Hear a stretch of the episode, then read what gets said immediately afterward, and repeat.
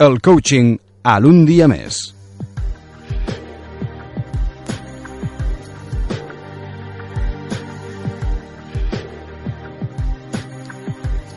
Pràcticament 14 minuts passen de les 9 del matí. Avui tornem a tenir amb nosaltres en Jordi Urgell, coach professional certificat per la International Coach Federation. Ens acompanyarà al llarg del programa tractant temes d'interès general i aportant eines per viure millor i fer possible que aconseguiu els vostres objectius. I avui especialment atents si entre aquests objectius que teniu hi ha el d'emprendre un nou negoci. Jordi, com estem? Molt bon dia. Molt bon dia, Estela. Molt bé. Avui un pèl refredats, però bé, amb moltes ganes. Uh, amb aquests canvis de temperatura no ets l'únic, eh? Hi ha molta gent... En fi, hem de passar com puguem. Sí. Recordem que la tasca del Jordi Urgell, professional, la desenvolupa realitzant processos de coaching a directius i equips d'empresa, també formació en les àrees de coaching i lideratge, comercial i ventes, així com també desenvolupar consultoria comercial i també és conferenciant. Doncs bé, eh, també us recordem, si ens esteu escoltant, que si teniu algun dubte, alguna pregunta que vulgueu fer durant aquesta secció podeu trucar al telèfon de la redacció al 973 27 52 95 973 27 52 95 i us ho pot eh, resoldre doncs, en Jordi Urgell. Avui tractarem doncs, aquests temes de de com tenir èxit, Jordi, a aquells emprenedors o persones que s'estan pensant d'emprendre una aventura empresarial uh -huh. i que doncs, cada vegada són més perquè, clar, entre l'atur o fer alguna cosa, n'hi ha molts que decideixen emprendre i aquí hi ha algunes claus, no? Així és, Estela. Com molt bé has dit, doncs, arreu de la crisi que hi ha hagut els últims anys, doncs, perquè els han fet fora o perquè són gent que han decidit, doncs, això, eh, agafar tot l'atur, no? tot el que tenien i, i decidir posar en marca aquella història, aquella idea eh, que fa temps que tenen en ment i per què doncs, no treballar per a tu, no?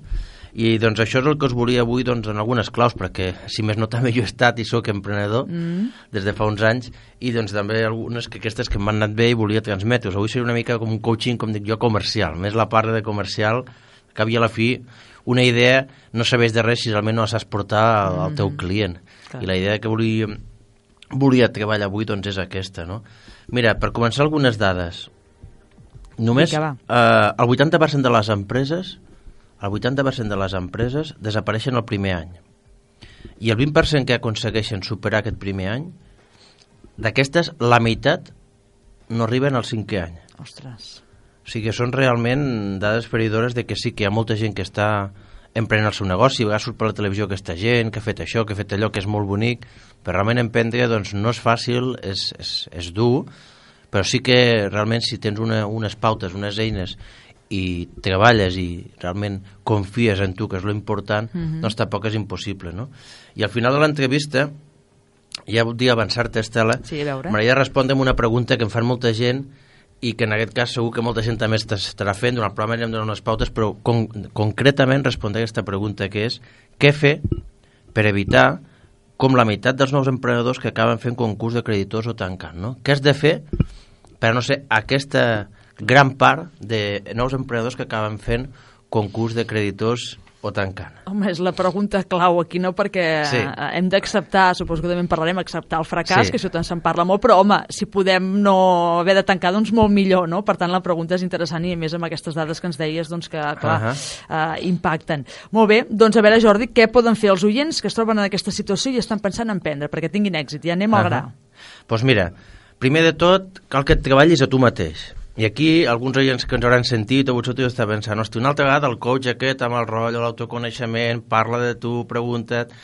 Bueno, doncs pues sí, perquè pots tenir una gran idea, però si realment no saps per on, per on afluixes, quines mancances tens i quines són les teves habilitats, t'asseguro que acabaràs morint d'èxit. Mm -hmm. vale? Has de treballar les teves fortaleses, les teves debilitats, les teves creences, per a realment això, no? Allà on te falti, què faràs per a, si et falta la part comercial, com la suplantaràs? Si et falta la part financera, si et falta, falta confiança en tu, per molt que tinguis diners i tinguis una gran idea, si no confies en tu, això no tirarà endavant. Uh mhm. -huh. Jo per mi és com el que vol anar al Paris-Dakar i, i sense més ni menys comença a agafar el seu cotxe i vinga, anem i no passa res. No, primer t'has de preparar realment Clar. amb el que tens, si estàs preparat per anar-hi, perquè un cop no arribes allí, el primer dia no sé què tirat a la segona curva. No? Una mica metafòricament seria això. Primer, està bé que tinguis una idea, que segur que suposo que la tens, no? però treballa tu, treballa realment què saps fer, què no saps fer, què estàs disposat a, a arriscar, què estàs disposat a fer per a, per a que aquesta idea tiri endavant aquest somni, no? i molt important, allà on realment veguis que, que, que no arribes perquè ningú és perfecte, què faràs abans, no quan tinguis el problema, sinó abans, per a que aquell problema, aquelles mancances, les puguis solventar de la millor manera. Uh -huh. Bé, doncs, eh, i un cop fet això, eh, uh -huh. per on comencem? Doncs pues bueno, lògicament, com dèiem, has de tenir una idea, és, és, és obvi i és clar, no? Uh -huh. Però amb això no és suficient. Llavors, aquí és on entrem amb el tema del coaching comercial i que treballem amb, doncs, amb, amb alguns emprenedors, no? Realment, pregunta't, què és allò que estàs oferint? Encara que sembli obvi, t'asseguro que no ho és i és la clau del teu èxit o fracàs. Perquè la gent, has de tenir en compte o de tenir en compte que la gent no compra productes o serveis màgics, sinó que compra solucions a les seves necessitats. Mm -hmm. Busquen algo que el resolgui el problema o faci realitat el seu desig. I penso que això és molt important i voldria repetir. La gent no compra productes o serveis màgics. El que realment compra són solucions a les seves necessitats. Allò que realment resolgui el seu problema o faci realitat el seu desig. Per exemple, la gent no compra viatges i el que posa una agència de viatges venent o intentant vendre viatges morirà, morirà al cap de 4 dies o fracassarà, perquè n'hi ha moltes d'agències. Què compra la gent?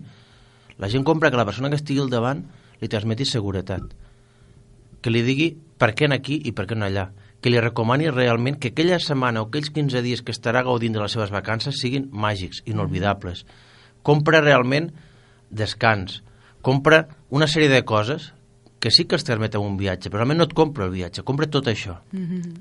Llavors tu has de saber transmetre que tu és qui és, millor li pots ajudar amb aquella persona aquests clients a que aconsegueixin això que realment volen, aquestes necessitats o aquests desitjos.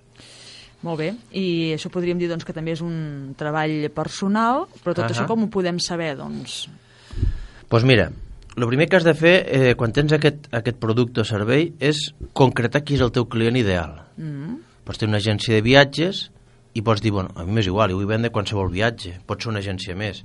Què és lo ideal? Doncs com més te concretis, com més t'especialitzis, més fàcil que la gent s'identifiqui. No sé, se m'ha acut, podries especialitzar en viatges a Àsia, en viatges doncs no sé, a Xina, que està últimament bastant de moda, en algun país en concret, on viatges d'aventura, no ho sé. Com més t'especialitzi, la gent més t'identificarà.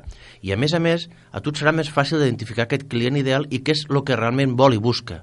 No és el mateix que tu t'especialitzis en un nicho d'anar a Xina que t'especialitzes en anar, doncs no sé, en un viatge qualsevol a nivell nacional o europeu. Mm -hmm. No és el mateix que el teu client per tu sigui el teu client ideal persones de 45 a 60 anys que tu t'especialitzis en un client jove que busca un altre tipus de descans, un altre tipus de viatge, un va veure coses, l'altre va un altre més d'activitats nocturnes.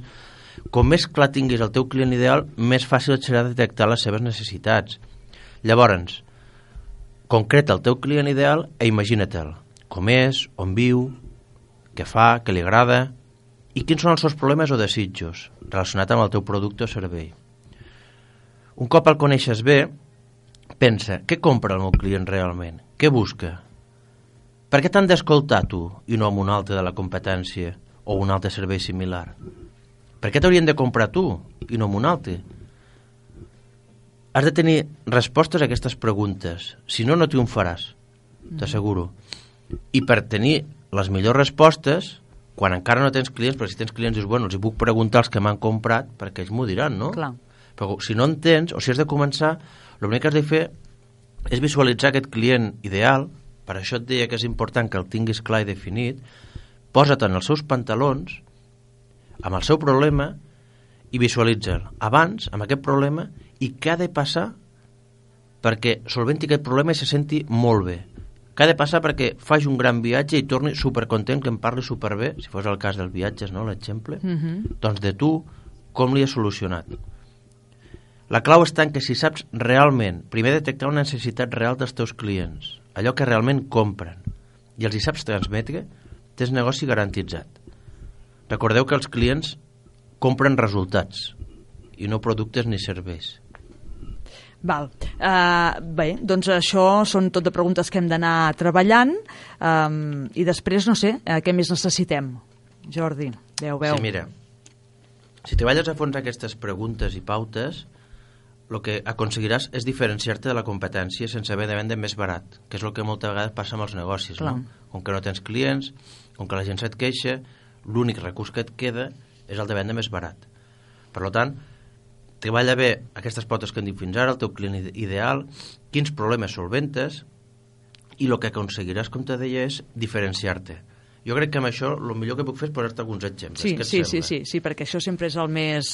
és el que doncs, eh, ens permet entendre-ho tot millor. Eh? Hem parlat d'aquesta agència de viatge, que més o menys doncs, ja ens hem anat situant, però en... més exemples, Mira, Jordi, te a poso tres exemples, Estela. Tots nosaltres cada dia anem a comprar. De fet, eh, tots necessitem menjar, necessitem beure, com deia la piràmide de Maslow, és la base de les nostres necessitats, no? És el que la gent tots comprem, no perquè vulguem, sinó perquè realment ho necessitem. Si per coherència em diu molta gent jo vull ser el més barat perquè vendre més, hi hauria molts supermercats que no sobreviurien, perquè hi ha molts punts de venda que sabem que són més cars que d'altres, mm. i un producte és el mateix aquí que allí. Aleshores, per què hi ha diferents punts de venda i supermercats que venen amb diferents preus? El que han fet és estudiar el seu client, veure quin tipus de client volen, fer-se una marca, crear aquest caliu i fer que la gent, per la raó que sigui, anem a comprar allà, sabent que a un altre lloc probablement el producte sigui més barat. Però per què hi vas? Perquè me sentim més còmodes, perquè hi ha més gamma, per diferents raons. Mm -hmm. Un altre exemple, molt proper. Molts de nosaltres anem a fer, doncs, a vegades el cafè en un lloc, no? pel que sigui, doncs, perquè és a mig matí, perquè pares, per la raó que sigui, no? Per què sempre vas a aquell lloc i no a un altre a fer el cafè? Potser et cobra un 20, o 30, o 50, no ho sé, potser un altre lloc veus un cartell a un euro. Per què un lloc està ple i l'altre està buit? Jo recordo moltes vegades, abans a l'altra feina viatjava molt, i recordo que a vegades havia fet 500 quilòmetres en un dia, doncs, o durant dos dies, i sempre parava als mateixos llocs Clar. perquè en un moment que si te sents còmode eh, per què he d'anar a un altre lloc no? encara que t'estalvis uns cèntims o uns diners recordo que hi havia un lloc al matí que anava i em deien, què tal, un cafè un... vols una pasteta calenta, acaba de sortir del forn dius, ostres, t'ho diuen d'aquesta manera, com has de dir que no en canvi entres un lloc, no et diuen ni bon dia què vols, te deixen el cafè allà sobre la taula tot són petites coses que el que fan que és que la gent doncs, hi anem o llocs que estiguin plens o llocs doncs, que estiguin buits Mhm. no? Està clar. I un tercer exemple, molt proper del lloc on vic jo, a Mollerussa, que jo m'hi fixo molt curiosament, no? perquè els dimecres, si no estic eh, de viatge o no estic eh, fent alguna formació, doncs ac- acostumo a portar el meu fill al col·legi. I al mercat, no?, el dimecres. I passo per un carrer principal de Mollerussa en què hi ha quatre o cinc parades seguides de, de verdura. Tots tenen, doncs, venen fruita, verdures, venen de tot. I sempre hi ha dues parades que estan buides, en forma rectangular, no? I a la punta n'hi ha una que, curiosament, sempre està plena. Sempre que hi passo, sempre hi ha gent. Hi ha quatre o cinc persones atenent, i això és a les 9 del matí, i no donen l'abast. Dius, si totes venen fruita o verdures, què fa diferent? Doncs, per exemple, totes són rectangulars, aquesta és quadrada. Ara l'hivern que fa tan fred, a darrere hi ha un canó. Totes les parades estan descobertes. Aquesta ha posat un toldo a dalt. Diu, són petites coses, però per la raó que sigui, o perquè ho tenen estudiat, o perquè així realment doncs, els agrada a la gent, ostres, jo sempre hi veig gent venent. I tots venen mandarines o fruites, però realment no venen això, venen algo més. Clar, clar, clar, clar, clar. Doncs uh, sí, sí, són exemples molt propers que segur que doncs, als nostres oients també els han vingut exemples al cap i que és per pensar-s'ho, no?, què fa aquest, aquesta diferència, aquest punt diferencial i que uns tinguin negocis i els altres no, uh, clients, vull dir, i clar que és la clau, no? Molt Així bé. és. Per tant, uh, exemples claríssims. Què més? Quines altres pautes hem de tenir en compte? Doncs pues mira, molt important, una actitud positiva. Una actitud positiva i proactiva per afrontar el dia a dia, per obtenir diferents resultats, no? importants resultats. Perquè el fet de treballar amb actitud positiva, amb predisposició, amb optimisme, canvia les coses, canvia la manera de veure els problemes i d'afrontar-los. I jo sempre una frase que dic moltes vegades, no? Les coses sense importància fan la diferència. I ho diré d'una altra manera també, eh, que la gent al principi no m'entendrà, però després sí, no? Sempre que puguis, dona dotzenes de trets ous. Què vull dir amb això? Sempre que puguis, dona una mica més del que espera la gent de tu. Clar. Sigues diferent, t'has de diferenciar. Som molta gent, hi ha molta competència i has de tenir molt clar el que deia abans, no? Per què t'han de comprar tu i no amb un altre? Doncs l'actitud, per descomptat, important. Uh. -huh. uh, Digue'ns quatre coses més o el que tinguis Vinga. preparat per, per, per acabar de completar tota aquesta gamma que estem dient. Molt bé, doncs vinga, ho acabo de completar. Molt important, una paraula que segur que heu sentit, no? La resiliència. Mm. Què és això, la resiliència, no? Doncs aquesta capacitat de superar moments complicats perquè, sens dubte, com a emprenedor els tindràs, no? I lo important és que quan vinguin aquests problemes, no els veguis com a errors, no fracassos. És molt important la diferència entre error i fracàs, no?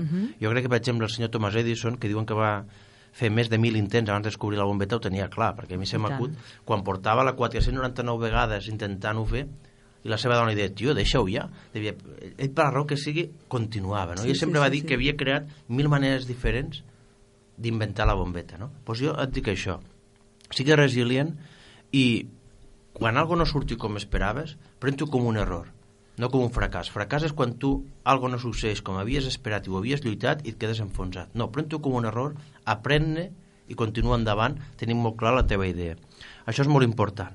I, i si em permets, voldria aprofitar, no sé si ho vaig dir l'altre dia, aquí el dot- a l'11 d'abril, que per primera vegada farem el tema del firewalking, treballarem molt el tema de resiliència, en altres ocasions han vingut bastants emprenedors, no?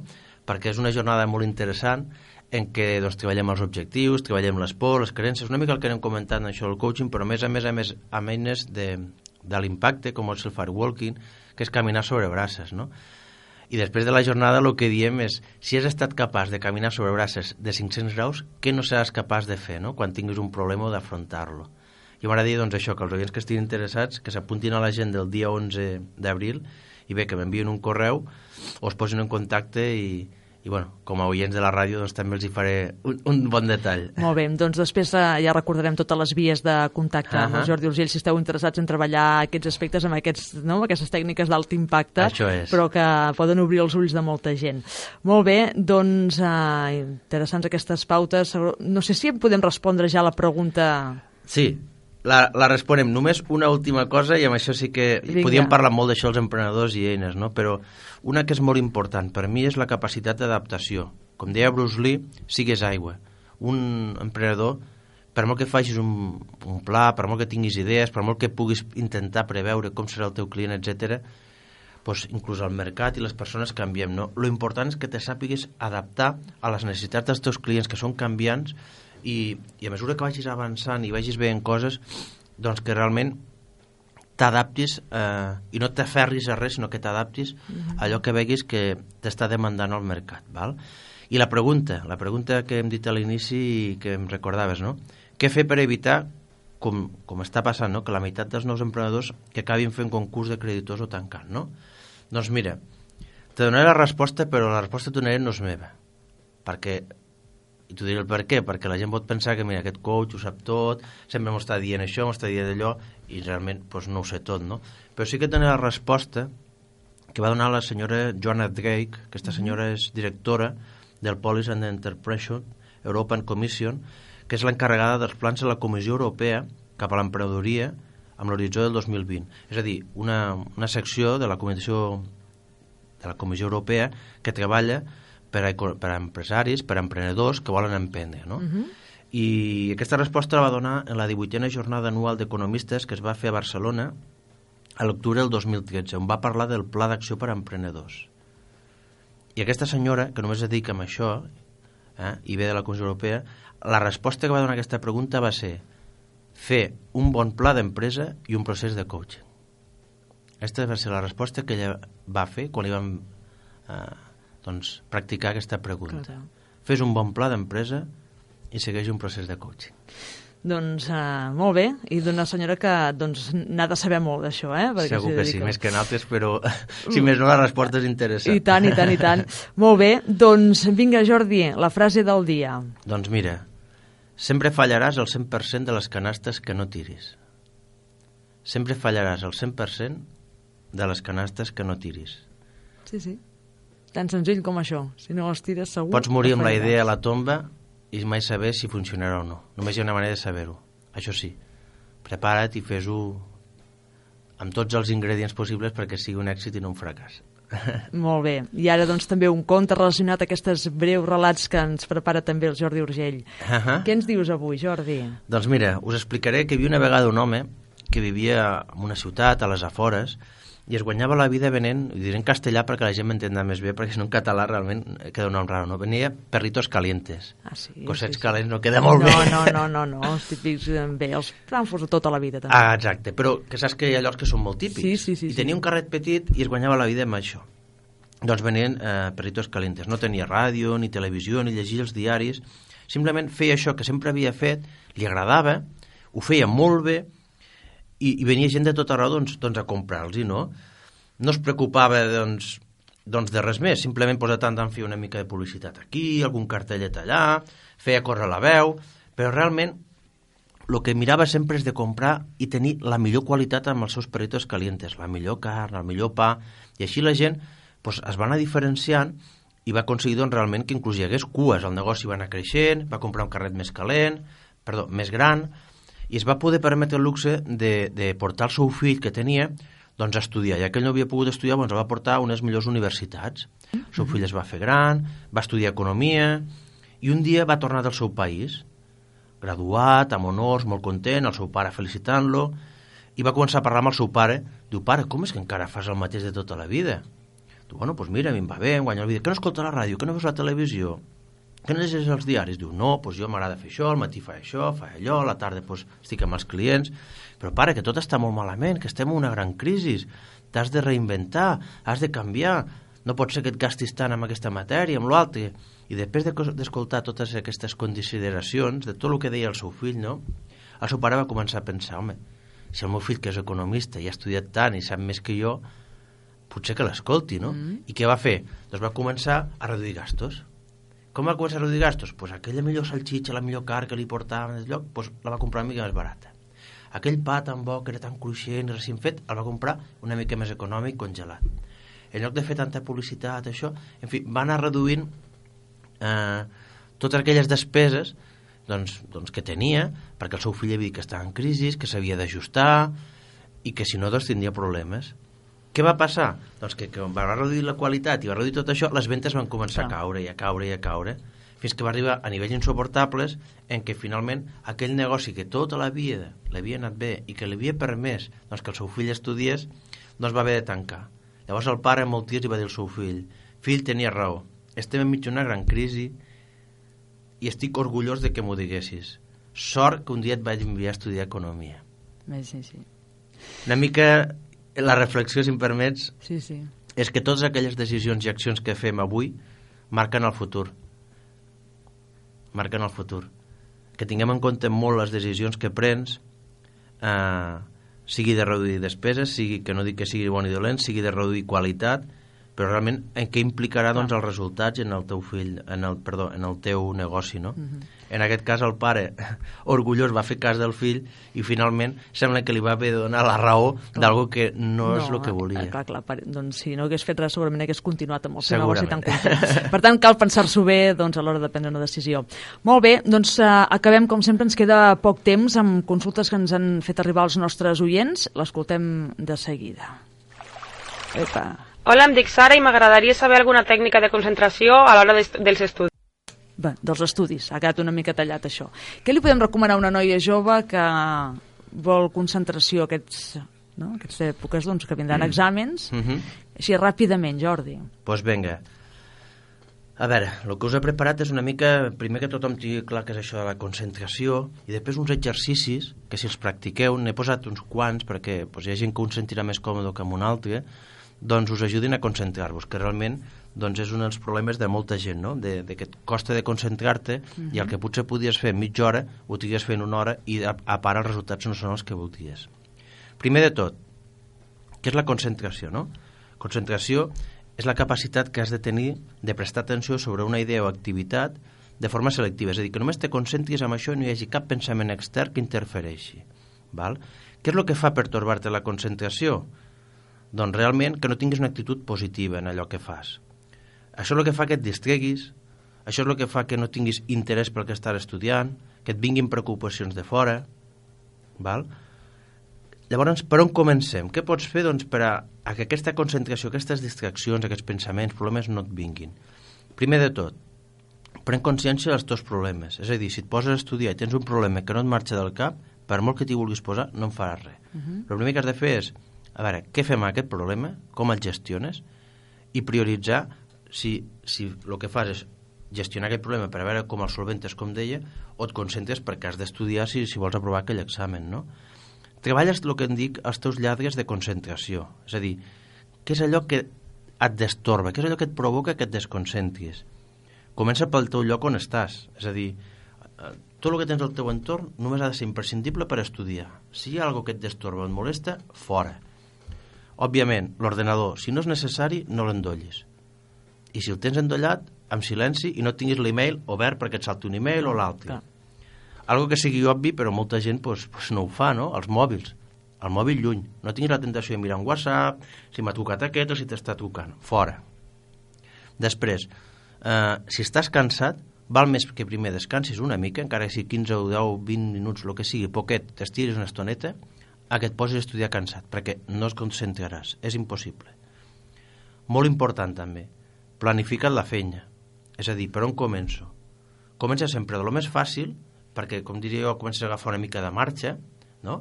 per lo més difícil, perquè quan ja estiguis una mica en marxa, t'hagis concentrat, t'hagis portat a la feina, ja continuïs amb l'altre que potser no és tan fàcil ni tan agradable o que et costa més. D'acord?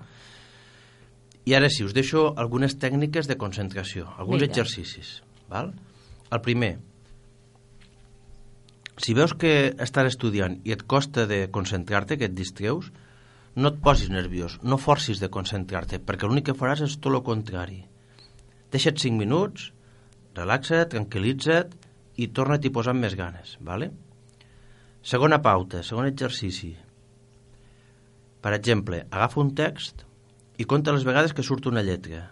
Apunta-la i cronometra quan has tardat. Un text doncs, de 20, 20, 20 ratlles, 10 ratlles, i això fes-ho fes periòdicament. Uh -huh.